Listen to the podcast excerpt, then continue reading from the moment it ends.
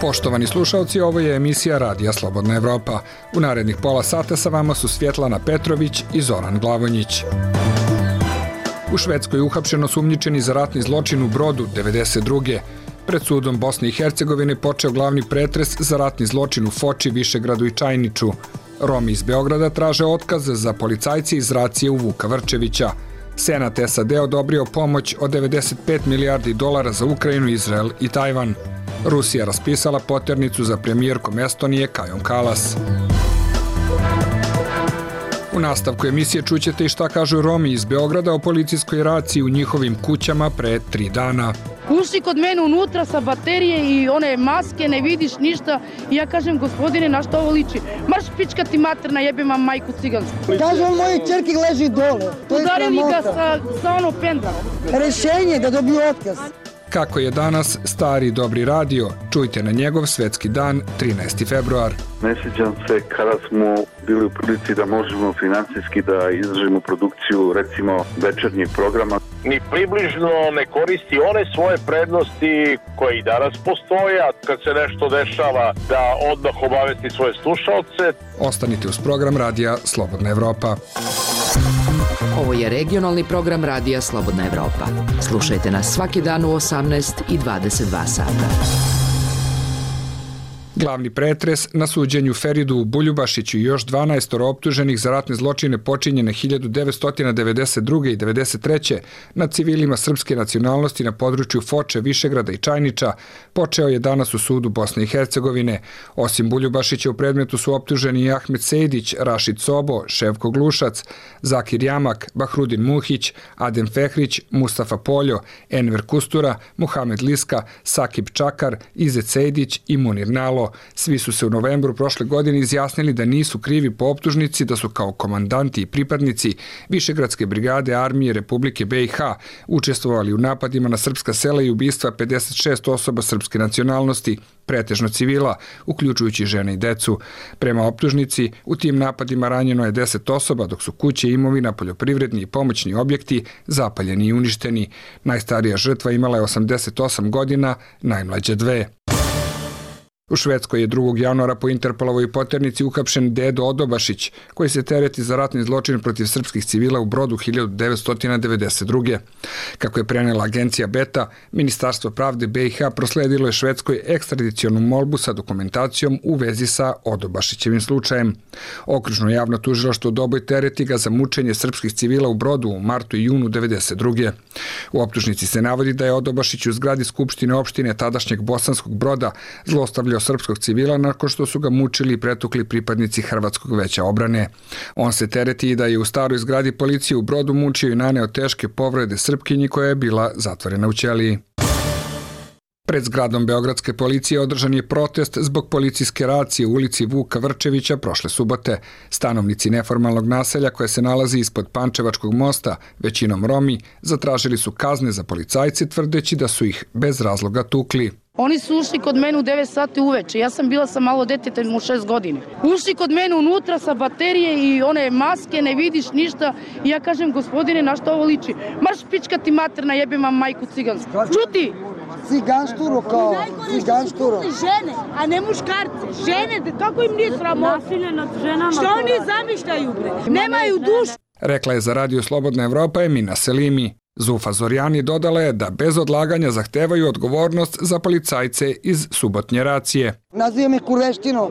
Sramota. Ja sam samohrana majka, živim sa petoro dece. Ne treba nama policija. Kaže on moje čerke leži dole. To je Udarili ga sa, sa ono pendalom. Na šta znači to? Ili on Nama je, nama je potrebna policija koja će pazi na nas, a ne da nas maltetira. tretira. I da nas biju. Rešenje da dobiju otkaz. Da, Da idu po kontejnerima. Okupljeni su zatražili od predsednika Srbije Aleksandra Vučića da utiče da policija prestane sa takvim postupanjem prema Romima. Mi ništa nismo tražili od njih. Da bi oni ušli unutra, tukli sve nas. Da vidu celo svet ovo.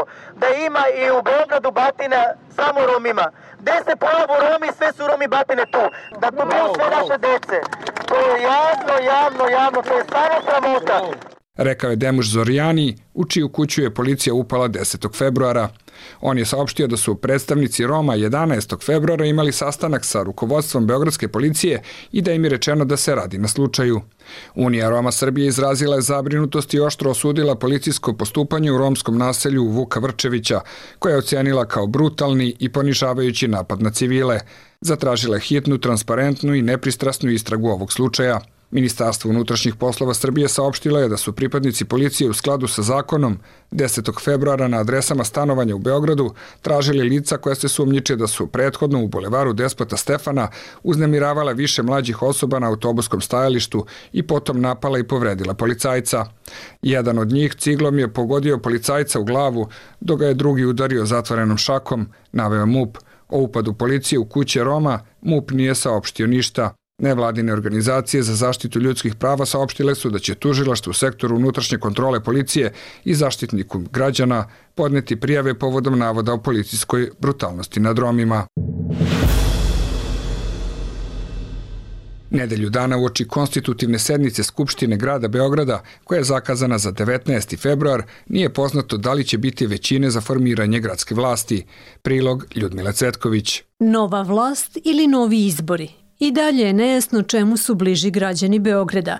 Srpskoj naprednoj stranci i socijalističkoj partiji Srbije koje su do sada činile gradsku vlast nedostaju dva mandata za većinu. Prva adresa naprednjaka je lista Mi glas iz naroda koja bi mogla da bude jezičak na vagi. Njeni predstavnici međutim poručuju da ostaju pri svom ranijem stavu da neće praviti koalicije ni sa kim. Nećemo prihvatiti ničiji poziv, sem poziva na nove izbore. Naveo u pisanoj izjavi ZRS Dragan Stanojević, jedan od osnivača ovog pokreta.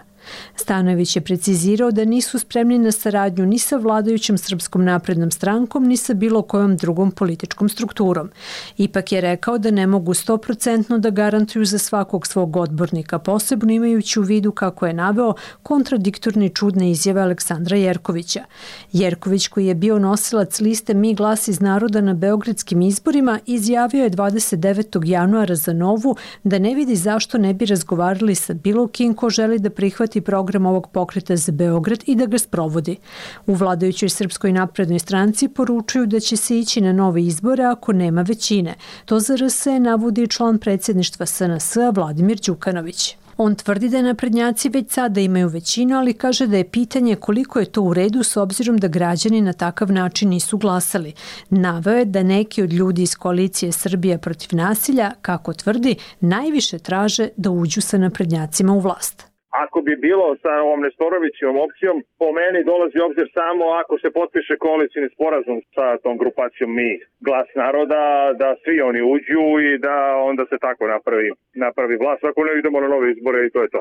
Đukanović je dodao da bilo kakvi pojedinačni aranžmani sa ljudima sa liste Mi glas iz naroda ne vode ničemu. Na drugoj strani Dobrica Veselinović, jedan od nosilaca izborne liste Srbija protiv nasilja na beogradskim izborima, rekao je za RS da vlast u Beogradu ne može da se formira zbog, kako je naveo, izborne krađe. I da bilo koji e, rezultat koji se i bilo koja akcija od, od Srpske napredne stranke i Socijalističke partije Srbije neće oslikavati e, volju građana. Srbija protiv nasilja optužila je vlast da je uticala na izborne rezultate i kroz dovođenje glasača u Beograd sa strane. Srpska napredna stranka i državni vrh su odbacili navode o krađi izbora. Iz desne koalicije NADA, koju čine Nova demokratska stranka Srbije i pokret obnove Kraljevine Srbije, je takođe poručeno da neće sa naprednjacima. Onda imate činjenicu da ove izbore nisu bili regularni, naroče kad je reč u Beogradu.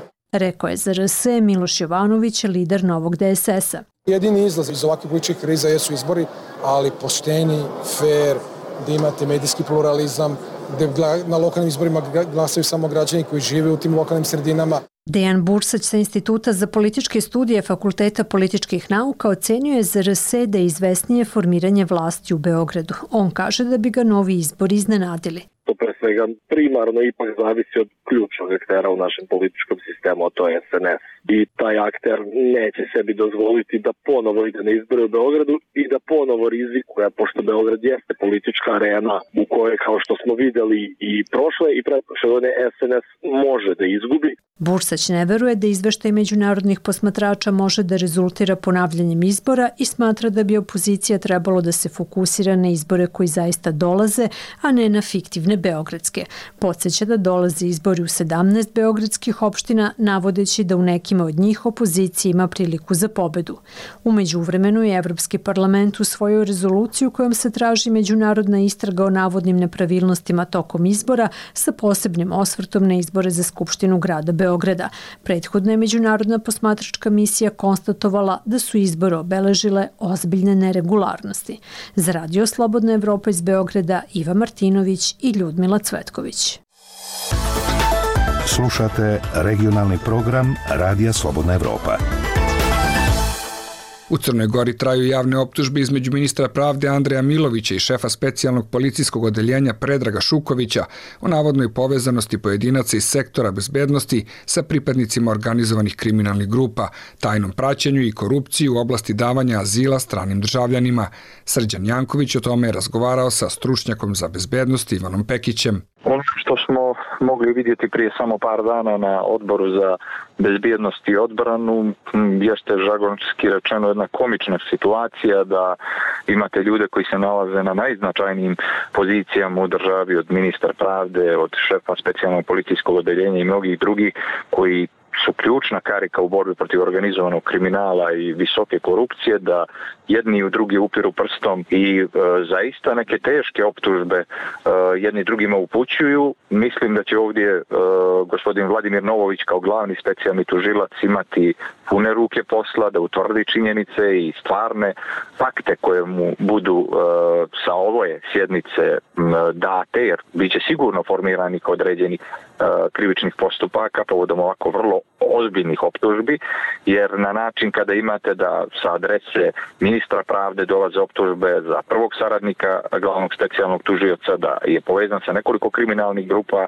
da je neku imovinu stekao na sumnjivi način, to su vrlo ozbiljne optužbe koje onaj koji e, sarađuje sa njima, to je gospodin Novović, morat će da utvrdi jer i sjetite se da je njegova izjava vezana za e, podršku sada već bila značajno manja, a to je da je kazao da za sada gospodin Šuković ima njegovu punu podršku. Da li vidite uplitanje političkih interesa u sukobu bezbjednostnom sektoru ili je sukob u odnosu na e, profesionalne kriterijume?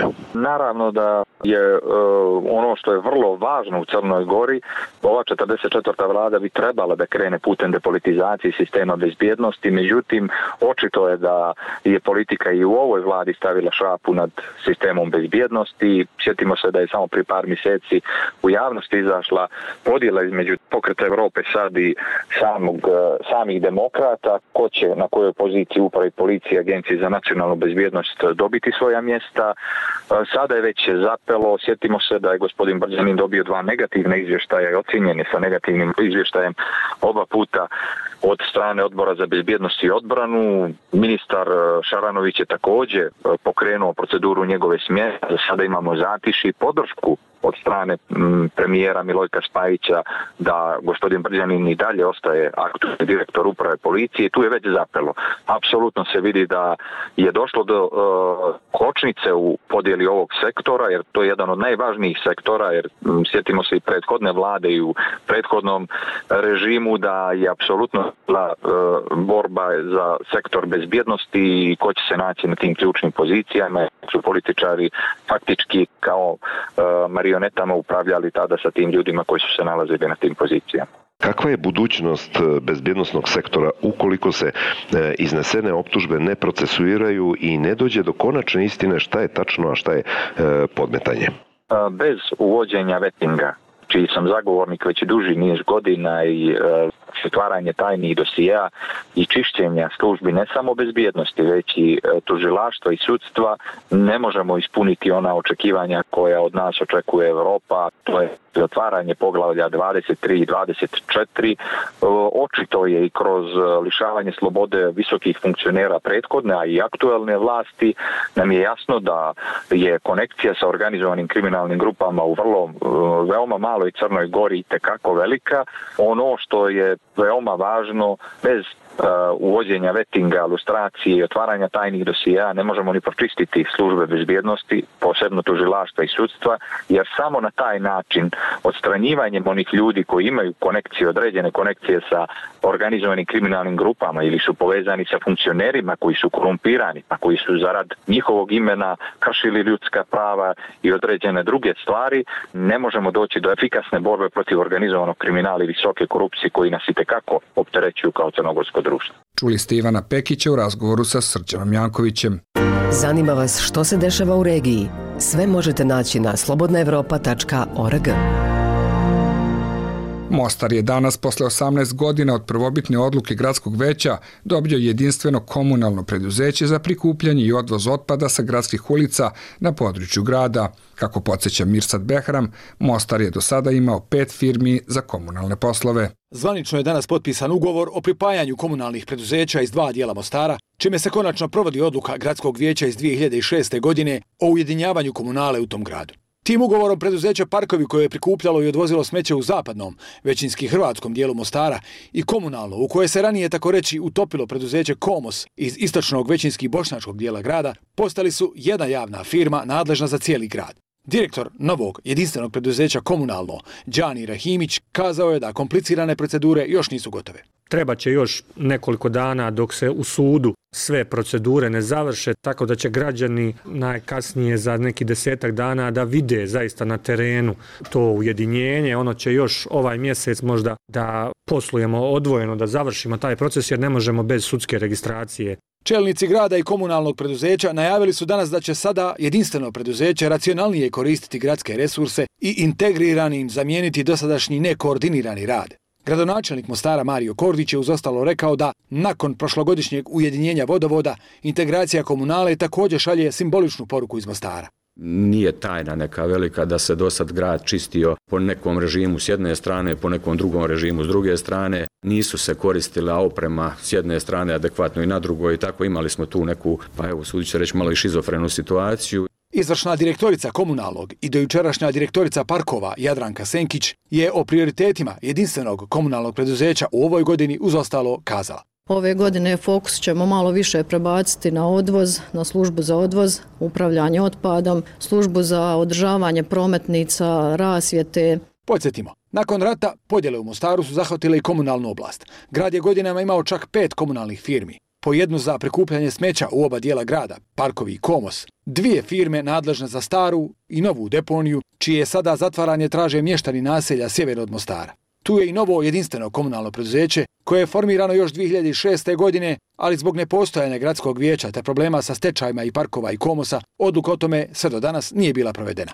Direktor jedinstvenog javnog preduzeća komunalno Đani Rahimić je također govoreći o prioritetima dodao. Odvajanje otpada je jedna od stvari koju ćemo sigurno ove godine da uvedemo, gdje mi kao komunalno preduzeće koje prikupljamo otpad moramo učiniti prvi korak na rastrećenju deponije, dakle da omogućimo što veći procenat recikliranja otpada kako bi u konačnici se što manje otpada deponiralo na deponiju. Rahimić je apelirao i na građane da pomognu radnicima u komunali, navodeći primjer da je u ovom trenutku svega 60% procenat naplate komunalnih usluga u Mostaru, uprkos tome što je cijena te usluge svega 2,5 marke mjesečno po osobi. Za Radio Slobodna Evropa iz Mostara, Mirsad Behram.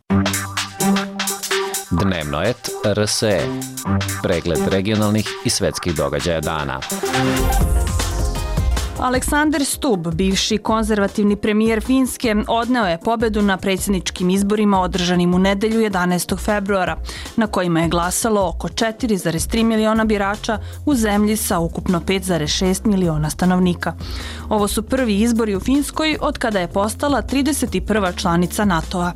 Geopolitičke promene u Evropi biće glavni izazov za novog predsjednika Finske i bivšeg konzervativnog premijera, pišu svetski mediji.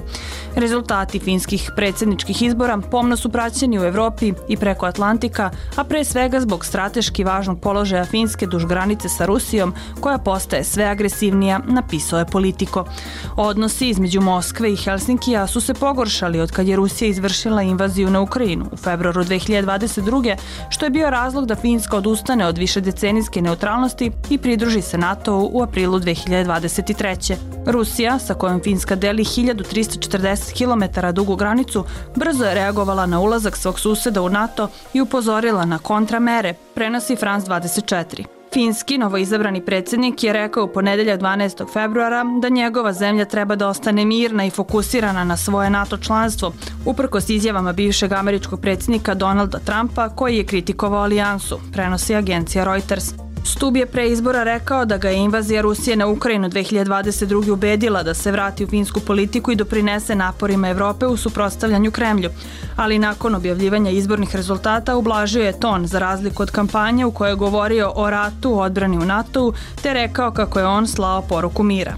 Stub je inače član partije desnog centra nacionalne koalicije, dok je njegov protiv kandidat bio Peka Havisto iz Zelene partije levog centra.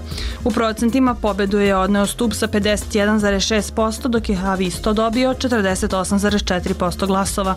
Stub će 1. marta preuzeti dužnost od predsednika Saulija Ninistoa, koji je tu ulogu obavljao posljednjih 12 godina i osvojio pohvale za način na koji je Finsku uveo NATO u rekordnom roku. Pregled regionalnih i svetskih događaja dana potražite na dnevnoet.rse.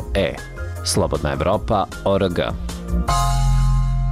Vlasti Rusije raspisale su poternicu za premijerkom Estonije Kajom Kalas. Kako je bez daljih objašnjenja saopštilo Rusko ministarstvo unutrašnjih poslova, ona se u Rusiji tereti u krivičnom predmetu. Ruska poternica raspisana je za estonskim državnim sekretarom Tajmerom Peterkopom i ministrom kulture Litvanije Simonasom Kajrisom. Američki senat odobrio je paket pomoći od 95,3 milijardi dolara za Ukrajinu, Izrael i Tajvan. Nakon više nedeljnih pregovora usvojen je sa 70 za i 29 protiv, ali je dalja sudbina tog zakona u predstavničkom domu koji kontrolišu republikanci daleko od izvesne jer je bivši predsednik Donald Trump pozvao republikance da ga ne usvoje.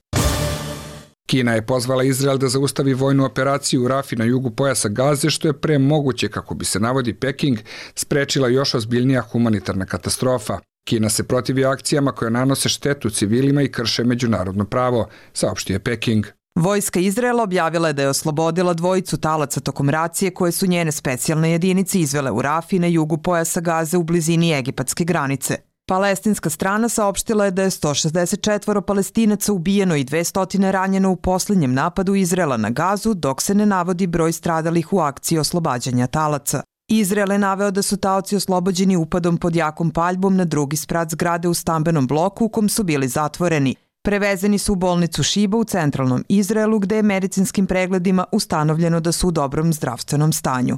Izrael je saopštio da su spaseni 60-godišnji Fernando Simon Marman i 70-godišnji Luis Hare, koje je iz kibuca Nirica kotao palestinski Hamas, organizacija koju Sjedinjene američke države i Evropska unija smatraju terorističkom. Izraelski premijer Benjamin Netanjahu saopštio je da će samo kontinuirani vojni pritisak do potpune pobede nad palestinskim Hamasom dovesti do oslobađanja svih talaca i najavio nastavak napada Izraela na Gazu. Prethodno je međunarodna zajednica od Izraela zatražila da ne proširuje ofanzivu na Rafu gde je milion i po palestinaca pobeglo od borbi. Tu je većina palestinskih izbeglica koje su ostali bez domova nakon izraelskog bombardovanja severnog dela pojasa Gaze. Protiv ofanzive na Rafu su i Sjedinjene američke države – Svetski mediji pišu iz neimenovanih izvora da se očekuje da direktor Američke centralne obaveštajne agencije CIA William Burns 13. februara bude u Kairu na novoj rundi pregovora o mirovnom sporazumu uz posredovanje Katara. Prednosti pauze i dogovora za oslobađanje talaca su ogromne, pa i za mogućnost da počnemo da radimo na trajnom rešenju ovoga sukoba, rekao je port parol State Departmenta Matthew Miller. Prema predlogu iz Pariza za početak bi privremeno trebalo da budu zaustavljene borbe u zamenu da Hamas oslobodi taoce. Sjedinjene američke države ponovile su upozorenje Izraelu da ne pokreće ofanzivu u Rafi bez plana za bezbednost civila. Radio Slobodna Evropa vas nikada nije izneverila. Proverite zašto. slobodnaevropa.org Danas se obeležava Svetski dan radija, povodom 13. februara 1946. kada je osnovan Radio Ujedinjenih nacija. Nedavno je obeleženo i 30 godina radija Slobodna Evropa na južnoslovenskim jezicima, kada je Lejla Omeragić-Ćatić razgovarala sa urednikom spoljno-političke redakcije Radija Slobodna Evropa Draganom Štavljaninom. oko radija koji je i dalje u našem naslovu, dakle radio kao medij, neću reći da gubi popularnost, ali on doživljava, da kažem, neku svoju novu ulogu kroz podcaste. Admiral Bauer, šef vojno-političkog komiteta NATO-a, pre neki dan je govorići o, u svetlu potencijalne opasnosti da se rat u Ukrajini proširi i dalje na Evropu, rekao je da svi ljudi treba da razmisle o tri stvari koje treba da imaju, a to je dovoljno vode za prvi 36 sati, da imaju svetiljku na, na baterije i da imaju radio na bateriji, odnosno tranzistor. Bio to urednik spoljne politike Radija Slobodna Evropa, Dragan Štavljanin. Priču o radiju u Srbiji danas donosi Branko Vučković. Rade Veljanovski, profesor Fakulteta političkih nauka, kaže za Radio Slobodna Evropa da razloge pada slušanosti radija i naglog smanjivanja radijske ponude na medijskom tržištu treba tražiti u racionalizaciji troškova i redukciji programskih sadržaja jedna drastična programska redukcija, redukcija sadržaja, da je program radija, sem dva radija javnih servisa, Radio Beograda i Radio Novog Sada, da su programi svedeni uglavnom na muziku, po neku kratku vesti i reklame.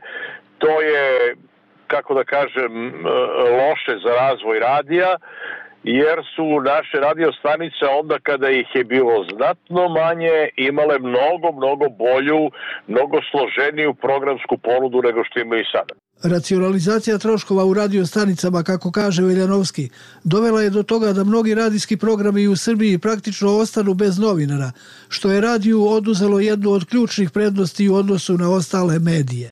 On ni približno ne koristi one svoje prednosti koje i danas postoje, a to je da je radio sposoban da obezbedi istovremenost događaja i informacije, dakle da u momentu kad se nešto dešava da odmah obavesti svoje slušalce. Taj primat je sada preuzela televizija. Privatizacija medija i racionalizacija poslovanja medijskih kuća u sedam opština Pčinjskog okruga na krajnjem jugu Srbije izazvale su po navodima novinara Radomana Irića iz Vranja pravu katastrofu, jer je broj radiostanica danas tri puta manji nego krajem prošlog veka. U Vranju su ostale tri radiostanice, u Bujanovcu takođe tri, a po jednu imaju Boslira, Vladičin Han, Prešova, Sudulica i Trgovište. Ako govorimo o slušanosti, da kažem da je ovde najslušaniji OK radio, a da ga rekao bih daleko, daleko iza prati e, lokalni radio Vranje, e, koga mnogi ovde nazivaju nekakvim lokalnim e, javnim servisom. U Pčinjskom okrugu nekada je program emitovalo više od 30 radio stanica. Slična situacija je i u Braničevskom okrugu, u kome je u protekle dve decenije prepolovljen broj radio emitera. Miša Tadić, direktor i glavni i odgovorni urednik Radio Boom 93 iz Požarevca, kaže za Radio Slobodna Evropa da je poslovni ambijent za održivi rad radio stanica u Srbiji vrlo nepovoljan, a kao glavne faktore takvog stanja navodi. Tržište je i dalje haotično, i pod kontrolom verovatno najvećih marketičkih agencija, takođe prisutno državno oglašavanje koje nije u dovoljnoj meri transparentno. Takođe dodatne probleme pravi projektno sufinansiranje koje se ne sprovodi prema pravilima. Takođe dodatnu stvar e, komplikuje i rad REMA koji praktično one svoje osnovne funkcije ne sprovodi.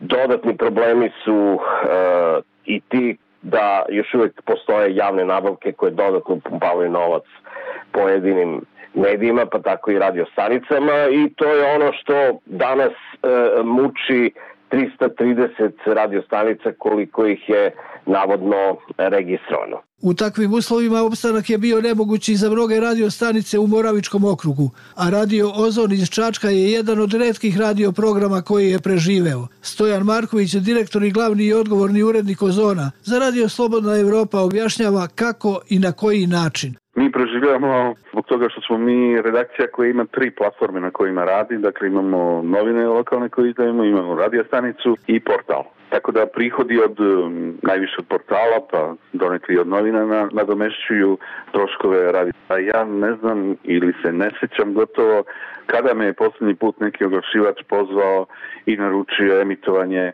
nekog svog uh, radio spota za neku reklamnu kampanju, a takođe ne sjećam se kada smo uopšte bili u prilici da možemo financijski da izdržimo produkciju recimo večernjeg programa kao da je televizija potpuno preotela taj primat. Radio Slobodna Evropa, Branko Vučković.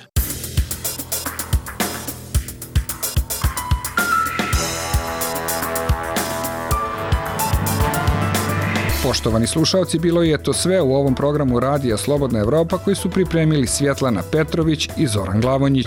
Do slušanja.